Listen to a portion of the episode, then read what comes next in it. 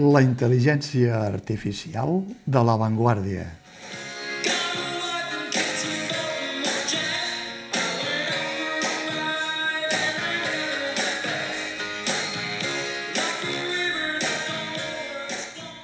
Després diran que no estem al dia.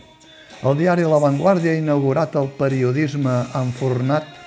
amb el ja popular xat GPT en la crònica d'urgència del primer concert de Bruce Springsteen a l'estadi Lluís Companys de Montjuïc.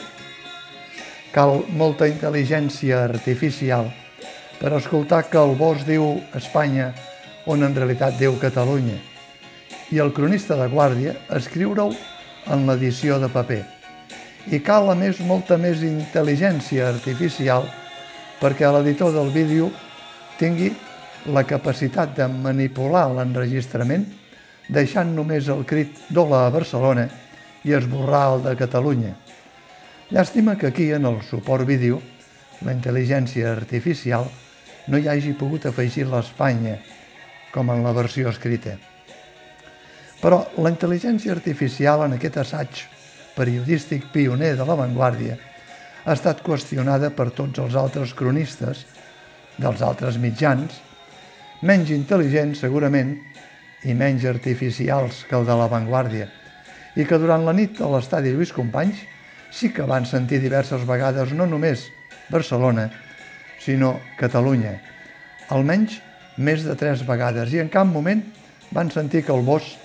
es referís a Espanya. La senyora de la neteja de l'avantguàrdia se'n devia donar només arribar a la redacció a mig matí i sembla que, tot i que ja no es podien parar les màquines per a l'edició tradicional en paper,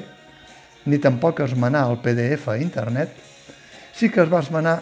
a passar el motxo per la crònica de la versió digital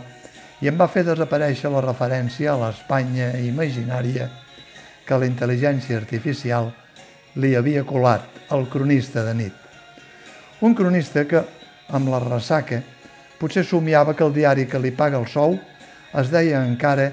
La Vanguardia Espanyola, com se'n va dir fins al 1978,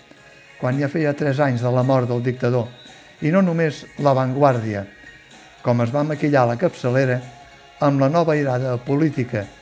ni que fos per obrir l'armari de les conveniències i posar-se la camisa que a partir d'aleshores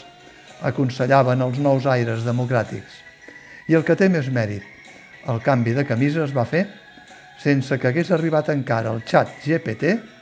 i la popular intel·ligència artificial.